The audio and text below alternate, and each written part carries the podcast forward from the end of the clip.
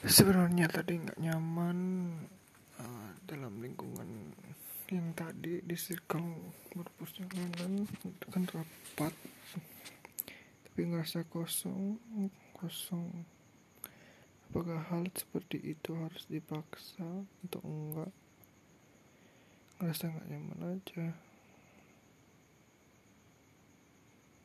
Apakah sesuatu hal harus dipaksakan ketika berkumpul dengan orang-orang itu. Gue mas buku pertama awal ketemu sih respect sekali. Cuman orang-orang itu dan setelah akhirnya sekarang nggak ada feel apa karena apa karena gara-gara ekspektasi terlalu tinggi dengan dia awalnya ya sehingga membuat seperti ini. Jadi nggak pengen pindah ke circle baru nyaman. Apa nggak usah dipaksa ya